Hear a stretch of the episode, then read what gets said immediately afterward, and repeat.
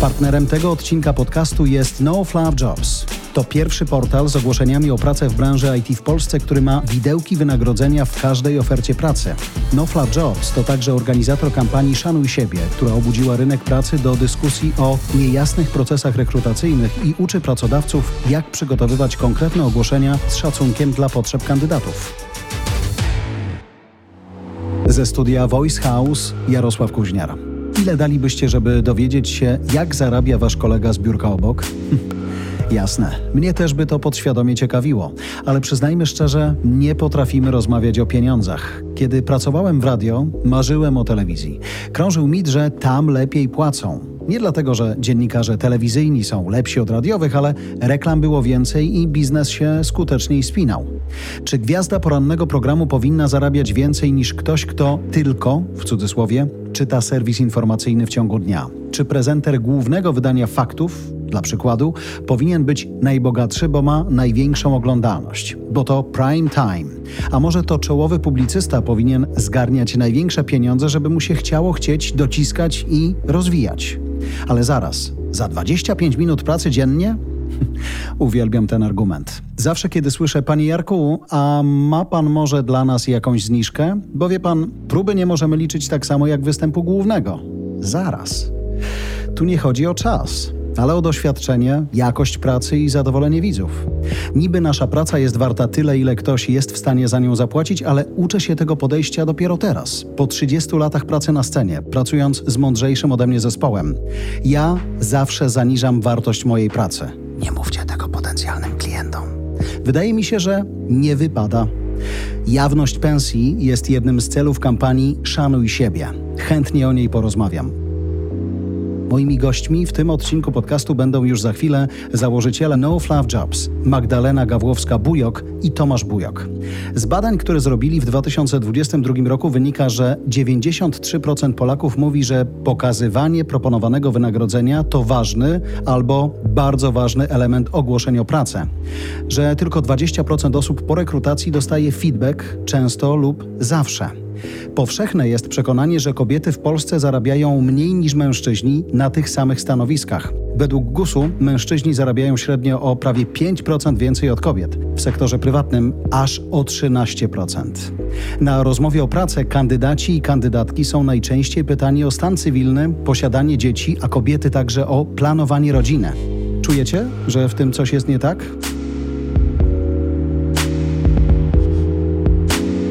Magda, myślałem sobie, że w Polsce, kiedy ludzie zaczynają szukać pracy albo rozmawiać o pracy, to ostatnią rzeczą, o której mówią, jest powiedzenie, ile mogą dostać.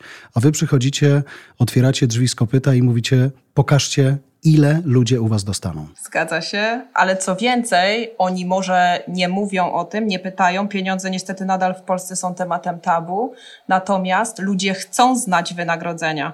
I z naszego najnowszego badania, przeprowadzonego parę miesięcy temu, wynika, że to jest 93% osób, które oczekują wynagrodzeń w ogłoszeniu o pracę. Czyli no, mamy tutaj taki paradoks, tak? Z jednej strony nadal w Polsce mało mówi się o wynagrodzeniach. Generalnie myślę, nawet wśród przyjaciół to nie jest temat, który się na przyjęciach urodzinowych porusza. Natomiast no, tutaj jest duża potrzeba transparentności w tym temacie. My 8 lat temu, kiedy startowaliśmy, to tak naprawdę ogłoszenia z widełkami płacowymi były całkowitą egzotyką w Polsce. My wtedy mieszkaliśmy w Szwajcarii, kiedy w ogóle urodził się pomysł na nasz portal. Tam rynek już wtedy wyglądał zupełnie inaczej. Był transparentny, może faktycznie w każdym ogłoszeniu nie było widełek płacowych, natomiast były one już ujawniane w pierwszej rozmowie. W ogóle sam proces rekrutacyjny był od początku transparentny, pełen szacunku. To było dla nas inspiracją. I właśnie zadaliśmy sobie takie pytanie wtedy, ok, skoro już w Polsce w branży IT mamy do czynienia z rynkiem pracownika, to dlaczego to nie ma odzwierciedlenia w ogłoszeniach o pracę? One wtedy właściwie wszystkie wyglądały w stylu młoda, dynamiczna firma poszukuje ambitnych programistów i programistek, natomiast to nie jest to, czego kandydaci i kandydatki oczekują. Zanotowałem sobie w swoim notatniku, takim analogowym, który zawsze mam przy rozmowie, słowo szacunek, bo wydawało mi się przez długie lata, sam zresztą w procesach rekrutacyjnych spotkaniach różnych bywałem, że szacunek nie występuje tak często, nie jest oczywisty. Raczej to były też takie czasy, kiedy to on, zatrudniający, był ważniejszy niż on, szukający pracy. My bardzo dużo rozmawiamy o szacunku i musimy przyznać, że no lata temu, czy jeszcze niedawno procesy rekrutacyjne w Polsce wyglądały, czy ciągle wyglądają w taki sposób, że to pracodawca pyta, ile chciałby pan, pani zarabiać. Nie ma to wiele wspólnego z szacunkiem z tego względu, że osoby, które aplikują na stanowisko nie wiedząc ile mogą zarabiać, od razu są w pewnym sensie na straconej pozycji, nie znają siatki płac, nie znają tego ile dany pracodawca chce zapłacić. Często nie da się też rynkowo sprawdzić dokładnie, ile na danej pozycji można zarabiać. No i jest szereg powodów, dla których pracodawcy nie podają widełek płacowych w ogłoszeniu. My staramy się z tym walczyć. Od 8 lat jako portal promujemy publikację widełek płacowych, czyli na NoFluff Jobs nie można opublikować ogłoszenia bez widełek płacowych. Natomiast teraz uruchomiliśmy taką akcję oddolną, żeby zachęcić kandydatów żeby nie aplikowali na stanowiska, na oferty, gdzie nie ma widełek płacowych. Magda, jak czujesz, ile to jeszcze potrwa to, o czym mówiłaś na samym początku, że w Polsce jednak dyskusja o kasie bywa na samym końcu. Dyskusja o kasie zawsze jest jakimś wstydem albo przynajmniej takim schowaniem się na wszelki wypadek. Tak. Nie powiem o tym, bo mogę nawet przyjaciół, tak jak powiedziałaś, rozdrażnić albo mogę wywołać u nich niesmak. Ja jestem z natury osobą bardzo optymistyczną, natomiast tutaj zdecydowanie myślę, że potrwa to jeszcze wiele lat. My przygotowując się do kampanii, o której Tomek przed chwilką wspomniał, Szanuj siebie, zleciliśmy przeprowadzenie badania, jak właśnie wyglądają standardy rekrutacyjne w Polsce i wyniki, powiem Ci szczerze, mnie przeraziły. Tak naprawdę okazuje się, że nadal 31% osób w procesach rekrutacyjnych jest pytanych o posiadanie dzieci. A kobiety, 27% kobiet powiedziało, że są pytane o planowanie rodziny. To są pytania zabronione. Ich nie wolno potencjalnemu pracodawcy w ogóle w procesie rekrutacyjnym zadawać. To jest związane z RODO, to są dane wrażliwe. Natomiast te pytania nadal padają. Co więcej, 30% osób zetknęło się z dyskryminacją ze względu na wiek taka informacja gdzieś tam w procesie rekrutacyjnym się pojawiło. Wydaje mi się, że ilość tych zaniedbań, tych złych praktyk jest niestety nadal tak ogromna, że ta zmiana zajmie lata. Powiedziałaś o dyskryminacji z uwagi na wiek. Ten niższy czy ten wyższy próg? No ten wyższy. Choć wydawało mi się, że dzisiaj jednak zaczynamy szukać każdego, więc także tego, co 50 plus ma. No właśnie to jest ten kolejny paradoks, tak? Czyli na pewno mamy do czynienia z rynkiem pracownika, natomiast te praktyki rekrutacyjne i właśnie te wyniki, które otrzymaliśmy wyraźnie wskazują, że to nadal nie odzwierciedla faktu, że mamy do czynienia z rynkiem pracownika. Tomek, chciałbym wrócić na chwilę do Szwajcarii. Siedzicie tam, widzicie jak to działa. Dlaczego to działa inaczej tamatu? Wydaje mi się, że kultura firm jest zupełnie inna. One mają dużo większą świadomość i dużo większą dojrzałość. Po prostu no to jest oczywiste, żeby ujawniać informacje o widełkach płacowych podczas pierwszego kontaktu, bo firmy nie chcą tracić czasu na procesy rekrutacyjne z osobami, które później okaże się, że nie pasują z punktu widzenia finansowego, prawda? Więc ta dojrzałość i ta transparentność jest dużo większa. I to jest odzwierciedlone także w przebiegu procesu rekrutacyjnego czy szacunku. Później już podczas samej pracy mieliśmy taką sytuację, raz e, pracowaliśmy razem z Magdą w tej samej szwajcarskiej firmie i no Magda na okresie próbnym przyszła i powiedziała szefowi, no słuchaj, nie do końca czuję się komfortowo z tym, jaki performance daje firmie od początku, więc być może nie jestem właściwą osobą na to stanowisko. Ale poczekaj, przyszła i się słabiej oceniła. Tak, słabiej się oceniła, okay. a szef powiedział, bardzo dziękujemy za feedback, Magda, nie ma najmniejszego problemu, to jest sygnał, że musimy cię jeszcze bardziej wspierać. Także takie praktyki to jest standard i widzieliśmy to praktycznie podczas całej naszej pracy w Szwajcarii. No i zauważyliśmy, ok, no, że część tych praktyk możemy spróbować przenieść do Polski. Stąd powstał portal No Fluff Jobs. Magda, wydaje się, że przeniesienie Szwajcarii do Polski, czemu nie? Japonię próbowali, może być Szwajcaria. Tylko Tomek powiedział o mentalności firm. Myślę, na ile to jest mentalność tylko zarządów, a na ile to jest mentalność całego zespołu, czyli całej drużyny, która tę firmę tworzy. Jak czujecie po przeniesieniu, czy próbie przeniesienia tego do Polski, na ile najpierw to nowe podejście kupują zarządy, kupują w takim rozumieniu, oczywiście akceptują, chcą wdrożyć, a na ile to ciśnienie idzie z dołu? Wiesz co, ja myślę, że w każdej organizacji wszystko idzie od głowy, tak mówiąc zupełnie kolokwialnie i tak naprawdę ja nie wierzę w sytuację, która mogłaby się pojawić, że na przykład zarząd wierzy w jakieś wartości i je reprezentuje, natomiast firma operuje według innych wartości. To są zawsze naczynia połączone. Na przykład to, co my obserwujemy, może powiem parę słów, jak u nas urodziły się wartości. One w pewnym sensie urodziły się wraz z firmą w 2014 roku, kiedy pojawił się pomysł na NoFlafa, pomysł tak jakby spróbowania rewolucji na polskim rynku IT. My zaczęliśmy się zastanawiać, ok, w oparciu o jakie wartości będziemy operować i to była trzyminutowa rozmowa. Ok, Tomek, jakie wartości są dla nas ważne w życiu prywatnym? I to właśnie była transparentność, uczciwość, szacunek. I ja właśnie wierzę, że nie ma możliwości, żeby firma operowała według innych wartości niż te, które właśnie wyznają członkowie zarządu czy osoby prowadzące tą firmę. Co więcej, myślę, że o wartościach w firmie trzeba niesamowicie dużo mówić. Nigdy nie można tego tematu przegadać, bo to, co na przykład dla kogoś może oznaczać uczciwość, dla kogoś oznacza coś zupełnie innego. Także nigdy o tych wartościach dość rozmawiać. My właściwie od samego początku w całym cyklu życia pracownika, już na onboardingu poruszamy te tematy. W procesie rekrutacyjnym też właśnie często powtarzam, że dopasowanie do kultury i do naszych wartości jest często ważniejsze niż umiejętności techniczne kandydatek i kandydatów.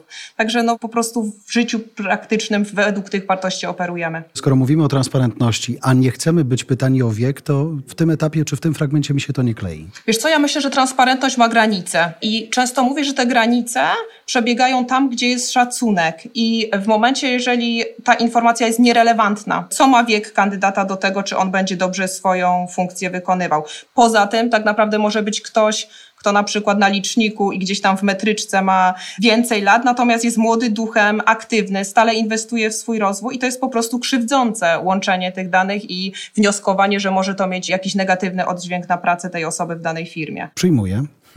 Choć Magda, kiedy mówi o transparentności, o uczciwości, o szacunku, myślę sobie, to są fajne fundamenty do robienia właściwie każdego biznesu, nie tylko IT. Ale mam też takie poczucie, że o tego typu wartościach częściej mówi się po covid Masz takie poczucie, Tomek? W IT o takich wartościach mówimy od początku praktycznie, gdyż jest to rynek pracownika. Brakuje tam około 50-60 tysięcy osób w Polsce, a w Unii Europejskiej około 800-900 tysięcy. Z tego względu firmy wychodzą naprzeciw oczekiwaniom kandydatów, czy próbują to robić. Natomiast to, co się zmieniło w covid to tryb pracy i to nie tylko w IT, ale tak naprawdę we wszystkich branżach. Praca zdalna stała się standardem i w IT w tym momencie około 85% osób pracuje zdalnie. Przed COVID-em było to około 20 do 25% osób. Także widzimy tutaj olbrzymią zmianę. Nasze badania pokazują, że do 95% kandydatów i kandydatek oczekuje możliwości pracy zdalnej w ogłoszeniu a do 60% osób pracujących w firmach jest w stanie zmienić pracę, jeżeli tej możliwości nie otrzyma po covid. Także jest to olbrzymi fenomen, ale może nawiążę do tego, o czym powiedziałeś, bo w Stanach Zjednoczonych widzieliśmy taki ruch, który nazywał się Great Resignation, gdzie przez parę miesięcy no, kilka milionów osób miesięcznie rzucało pracę i wynikało to z tego, że właśnie z tej zwiększonej świadomości tego, jak praca powinna wyglądać, COVID nieco zmienił standardy, zaczynaliśmy się przyglądać, firmy zaczęły się przyglądać tego, jak pracują ludzie, jak powinni pracować, no i tak naprawdę byli niezadowoleni z tego, co widzą i po prostu zaczęli zmieniać pracę, także ten ruch gdzieś tam na pewno został przez COVID spowodowany. Co myślę fajne, że nie dotyczył rzeczywiście tylko branży IT, w niektórych obszarach też się pojawił. Masz, Magda, takie poczucie, może to widać w liczbach, że dzisiaj wielu pracowników, ale może też powoli pracodawców mówi wartości first? Zdecydowanie. Tak naprawdę to, co obserwujemy już od lat, myślę, w branży IT, to to, że ludzie chcą pracować dla firm, z których wartościami się utożsamiają. Oni chcą widzieć, że ich praca ma sens, że to ma znaczenie i tak naprawdę mnie samą wielokrotnie o to pytają kandydaci i kandydatki na ostatnim etapie rekrutacyjnym. Po co robimy to, co robimy? Jaka jest nasza misja i wizja? To są czynniki, które już odgrywają bardzo dużą rolę w procesie wyboru potencjalnego przyszłego pracodawcy, ale będą odgrywały jeszcze większą. Czyli raczej pytamy po co, a nie za ile. Wiesz co? Myślę, że też pytamy oczywiście za ile. Powinniśmy nie pytać, powinno to być jawne tak no naprawdę tak. już w ogłoszeniu.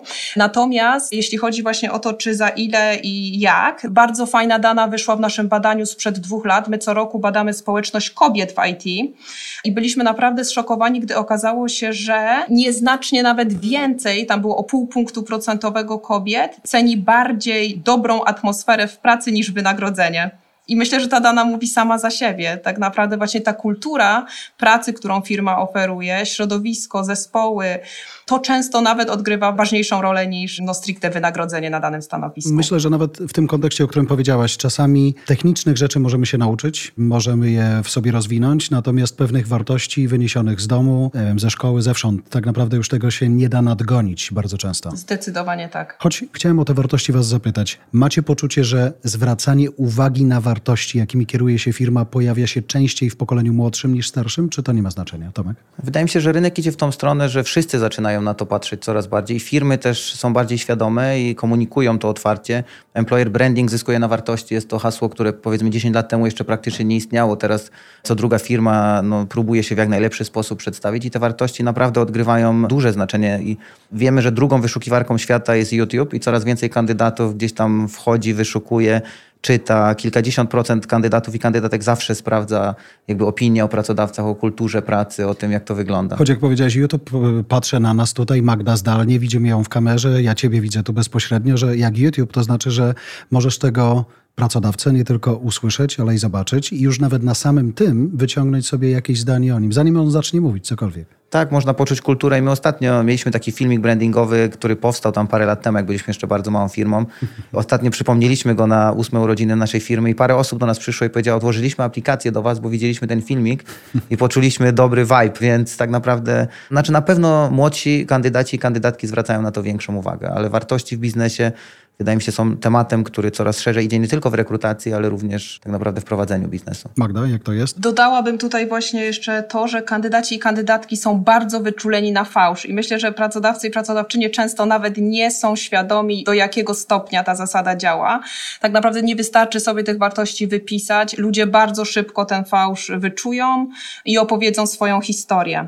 Więc to jest jeden aspekt. Drugi aspekt, myślę, że bardzo ważna jest spójność wartości wewnątrz i na zewnątrz wewnątrz organizacji w kontekście, że na przykład firma deklaruje OK, my kierujemy się szacunkiem w relacjach z klientami, natomiast tego szacunku brakuje na pokładzie to jest sytuacja, która no tak naprawdę na dłuższą metę nie ma racji bytu i to zostanie bardzo szybko obnażone. Czyli właśnie ta spójność wartości wewnątrz i na zewnątrz firmy jest tutaj na pewno kluczowa. Przypomina mi się taka kampania, ona ma już sporo lat, bo to był początek Snapchata, który zdecydował się w dużej firmie, mogę powiedzieć nawet, City handlowy to był, znaczy City handlowy, on jest w Polsce, to był Citibank po prostu na mhm. całym świecie i oni rozdali dostęp do tego konta kilkunastu różnym osobom w kilku, kilkunastu może miejscach na świecie, żeby pokazywali insidersko, jak wygląda atmosfera w tej pracy, żeby właśnie tego nie oszukać. To pokolenie, które szukało informacji o pracodawcy właśnie tam na Snapie, miało dostać to tam na Snapie. Podejrzewam, że dzisiaj takich platform też trochę będzie i nawet to, o czym mówisz, jeśli szukamy na YouTubie, czy szukamy właśnie czasami w social mediach obecności naszego pracodawcy, to im bardziej szczery on tam będzie, tym więcej wygra? Myślę, że tak. I może szczery i autentyczny, tak? Bo właśnie ta autentyczność, o której wspomniała Magda, jest tutaj kluczowa.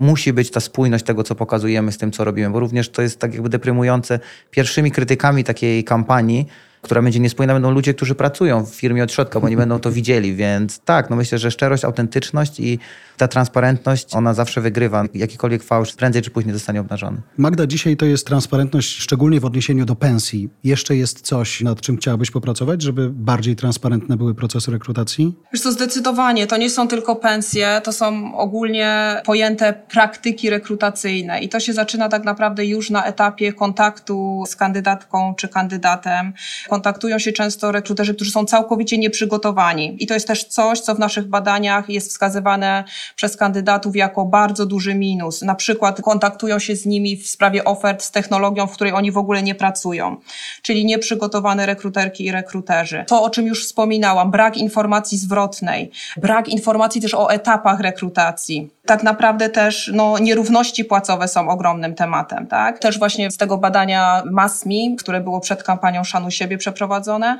ewidentnie wyniknęło, że ludzie są świadomi nierówności płacowych. Wśród kobiet 71% kobiet uważa, że te nierówności płacowe istnieją, a rzeczywistość jest taka, że według danych GUS mężczyźni rzeczywiście zarabiają średnio o 4-8% więcej niż kobiety. Natomiast w sektorze prywatnym ten odsetek jest jeszcze wyższy, to jest prawie 13% kobiet, które zarabiają mniej niż mężczyźni.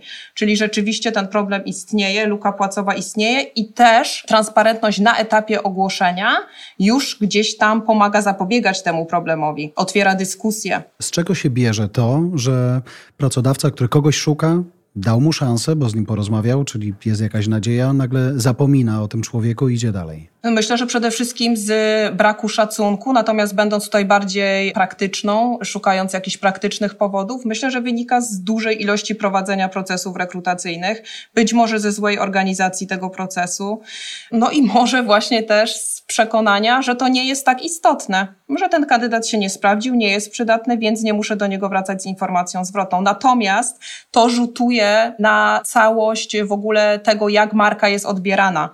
Istnieją przecież portale, gdzie ludzie dzielą się opiniami o pracodawcach, o procesach rekrutacyjnych w firmach, więc tak naprawdę ja często powtarzam, że praca wykonywana przez rekruterki i rekruterów danej firmy to jest taka linia frontu, która pokazuje, w jaki sposób firma funkcjonuje od środka. Okej, okay, czyli już wtedy obserwuj swojego rekrutera, a będziesz wiedział, dokąd idziesz. Zdecydowanie tak. Będziesz wiedział, jaka kultura pracy panuje w tej firmie, będziesz wiedział, czy ludzie traktowani są z szacunkiem i szereg innych rzeczy. Kiedy go nie dostajesz, to już wiesz, że transparentność właśnie padła na tej wojnie, o której mówimy. Dokładnie. Z twojej perspektywy, Tomek, jak to jest? Ja bym jeszcze zwrócił uwagę na jeden aspekt, to jest tutaj kandydatów i kandydatki, tak, bo mówimy o pracodawcach, ale mhm. brak informacji zwrotnej również zdarza się z tej drugiej strony i Oczywiście zdarzają się sytuacje, że ktoś aplikuje, uczestniczy w procesie rekrutacyjnym i nagle przestaje się odzywać. A, w ten sposób. Okay. Ponieważ wybrał inną ofertę pracy, bądź też dostaje ofertę już na ostatnim etapie i po prostu nie odzywa się, czy nie mówi tak albo nie. Albo... To aż chcę zapytać w takim razie średnio, ile procesów rekrutacyjnych mają otwarci jedni i drudzy, że nie mają czasu pożegnać się z jednym lub drugim? Osoby, które pracują w branży IT, no dostają 10, kilkanaście ofert miesięcznie od headhunterów, czyli tak naprawdę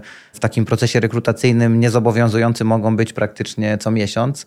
Natomiast jak szukają pracy, no to jestem pewien, że to jest 5-10 firm co najmniej. Nieźle. Tak, ja kiedyś przygotowując się do jakiegoś wystąpienia, natrafiłam na daną, że co czwarty specjalista czy specjalistka IT dostaje jedną ofertę w tygodniu.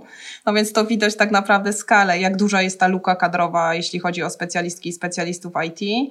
Więc zdecydowanie zgadzam się z tym, co mówi Tomek. Tutaj w ogóle kampania Szanuj siebie to nie jest jakaś nagonka na pracodawców, na nietransparentne praktyki. To jest zwrócenie uwagi obu stronom zaangażowaną w procesy rekrutacyjne, że szacunek, transparentność i uczciwość są konieczne, żeby ta relacja od początku dobrze funkcjonowała. I to podejście niesie też szereg korzyści dla obu stron, na przykład właśnie oszczędność czasu. Kiedy publikujemy widełki, wiemy, że nie będziemy mieli do czynienia z kandydatkami i kandydatami, których te widełki nie interesują, więc nie będziemy tracili na nich czasu. I tak samo ze strony kandydatów nie będę rozmawiał z rekruterami w sprawie oferty pracy, która nie spełnia moich wymagań finansowych już na starcie. Właśnie o to chciałem też Was zapytać, bo szanuj siebie jest jest takie chwytliwe, natomiast bardzo łatwo pomyśleć sobie, chodzi tylko o pracownika. Z tego, co mówicie, dotyczy właśnie jednej i drugiej strony. Zdecydowanie, zdecydowanie i też naszym celem, tworząc tą kampanię, było właśnie zwrócenie uwagi na nietransparentne procesy, było tak jakby wywołanie debaty społecznej, ale powiem Ci, że tak naprawdę zamieszanie, które wokół tej kampanii się pojawiło, przeszło nasze najśmielsze oczekiwania i niesamowicie się cieszymy, że to się dzieje. Ta debata jest potrzebna. Ludzie potrzebują wiedzieć, jak jak procesy rekrutacyjne powinny wyglądać, jakie pytania są niedozwolone. Powinni mieć tą świadomość i powinni umieć walczyć o swoje prawa. Z drugiej strony, to co mówił Tomek, tutaj też jest szereg aspektów, które ze strony kandydatów wymagają zmiany. Tak samo szacunek względem pracodawców i pracodawczyń, informowanie ich na bieżąco, że na przykład nie jesteśmy zainteresowani dalszym procesem rekrutacyjnym. To jest po prostu walka o transparentny świat rekrutacji nie tylko w branży IT, ale też poza naszą bańką. Myślę, że gdyby nie ten wątek pieniędzy, to emocje byłyby inne. Jak czujecie? Tak, byłyby inne. Oczywiście temat zarobków jest tematem, który zawsze podgrzewa atmosferę, szczególnie patrząc na zarobki, które obserwujemy w branży IT, oferty, które są najlepiej wynagradzane, no to jest 30, 40, często nawet 50 tysięcy miesięcznie, gdzieś tam na portalu wiszą, natomiast średnio osoby z doświadczeniem mogą zarabiać między 20 a 30 tysięcy, no, patrząc na średnie wynagrodzenie GUS-u w Polsce, no to porównując to na pewno... Na Trochę wyżej. Troszeczkę wyżej. Choć wiecie, czy zdarzyła się taka sytuacja, gdzie już istniejąca firma, pracownicy, którzy przechodzili inny proces rekrutacyjny, gdzie te widełki nie były jasne i firma mówi, słuchajcie, decydujemy się to zaktywizować, ujawnić i zmienić ten proces. Czy pojawiają się wewnątrz takie bunty na zasadzie niesprawiedliwie, u nas to wyglądało inaczej, nie chciałbym, żeby ktoś teraz na tej podstawie wyciągał wnioski o moim wynagrodzeniu? Ja myślę, że taki proces ujawniania widełek płacowych trzeba rozpocząć od porządkowania wynagrodzeń w środku firmy i stworzenia takiej wewnętrznej wewnętrznej siatki płac na każdą pozycję, na każdy poziom doświadczenia i oczywiście najczęściej to są widełki w takiej komórce, bo jedna osoba z takim samym doświadczeniem, z takimi samymi umiejętnościami może być bardziej zaangażowana i po prostu mieć lepszy performance. Patrz Magda, nie? która przyszła i powiedziała, hej, nie chcę tych pieniędzy, za słabo performuję. Dokładnie, więc po stworzeniu takiej siatki płac i uporządkowaniu wynagrodzeń i tutaj no, możemy śmiało publikować i myślę, że często jest kilka takich tematów tabu czy sztampowych tematów, które pracodawcy poruszają, dlaczego nie publikują widełek płacowych. No właśnie, jak się bronią? Oj, bronią się na przeróżne sposoby. Mój ulubiony to jest właśnie, no bo inni zobaczą, ile ludzie w IT zarabiają. A marketing w tym samym czasie cztery razy mniej. Dokładnie. I właśnie no, troszkę się śmiejemy, no, czy tych danych nie da się sprawdzić, wystarczy wejść na jakikolwiek portal czy raport płacowy i od razu to wyczytamy, tak? Z drugiej strony często są też informacje, bo konkurencja zobaczy, ile płacimy i tak dalej. Natomiast no, w IT teraz dzięki NoFluff Jobs my tak naprawdę byliśmy pierwszym, jedynym graczem, który wymaga widek w każdym ogłoszeniu no te wynagrodzenia są jawne. Tak naprawdę no, konkurencja jest w stanie sprawdzić, gdzie jest mediana, gdzie jest tam piąty czy 95 percentyl i, i wiedzieć, gdzie się chce ulokować. No oczywiście są też powody, które są mniej optymistyczne i to są takie właśnie, że no, nowym osobom płacimy więcej ponieważ nie bylibyśmy w stanie zrekrutować, ale z drugiej strony nie jesteśmy w stanie podbić widać wynagrodzeń wszystkim osobom w firmie i oczywiście możemy to oceniać. Z drugiej strony no, trzeba też popatrzeć, że często jest to ciężkie, tak, z punktu widzenia biznesu. Natomiast no, te zarobki akurat w IT kroczą do góry. Ale też myślę sobie a propos transparentności, że jeżeli prowadzę biznes i opowiadam o tym biznesie na bieżąco pracownikom i muszę im, znaczy właśnie wtedy już nie muszę, bo oni być może to wiedzą dzięki rozsądnemu komunikowaniu kiedy ja Ciebie zatrudniałem te 4 lata temu, sytuacja była zupełnie inna. Dzisiaj za tego samego pracownika, być może za te same kompetencje, muszę zapłacić więcej, bo rynek tego wymaga. Magda, jak to jest? A wiesz co, ja bym odpowiedziała jednym zdaniem jeszcze komentując Twoje pytanie, czemu pracodawcy nie publikują widełek? Bo mogą, bo nadal dostają aplikacje. I to też właśnie był cel tej kampanii. Powiedzieć ludzie, w momencie, jeżeli przestaniecie aplikować na nietransparentne ofertę pracy, one z czasem przestaną się pojawiać. Zmieńmy ten rynek od tej strony. My tak naprawdę, wiesz, startując portal, mieliśmy gdzieś tam bardzo nikłe nadzieję, że to się uda. Wiedzieliśmy, że ten wymóg widełek płacowych będzie blokerem dla wielu firm. My do dzisiaj jesteśmy jedynym portalem w ogóle w Polsce, który wymaga od pracodawców publikacji widełek płacowych. My po prostu na tym co roku utracimy pieniądze i wiedzieliśmy, że będzie trudno te firmy pozyskać te firmy z czasem do nas przychodzą. To jest zdecydowanie trend, w którym rozwija się w ogóle tutaj rekrutacja IT w Polsce. Natomiast to się dzieje wolno, to jest proces. Co czujecie jako następny trend, jeśli mówimy o transparentności, uczciwości, szacunku? Czy są jakieś wartości albo, no wartości, przy nich się zatrzymajmy, które będą bardzo wyraźne w kolejnych latach, miesiącach na rynku pracy? Takim jednym z trendów, który już teraz się rozwija, bo rozmawialiśmy o pracy lokalnej, pracy zdalnej, na pewno 38% kandydatów i kandydatek deklaruje, że chciałoby móc pracować w takim trybie workation, czyli oprócz tego, że jest to praca zdalna, no to również chciałyby gdzieś wyjechać i nie ma takiej możliwości, bo często właśnie jest restrykcja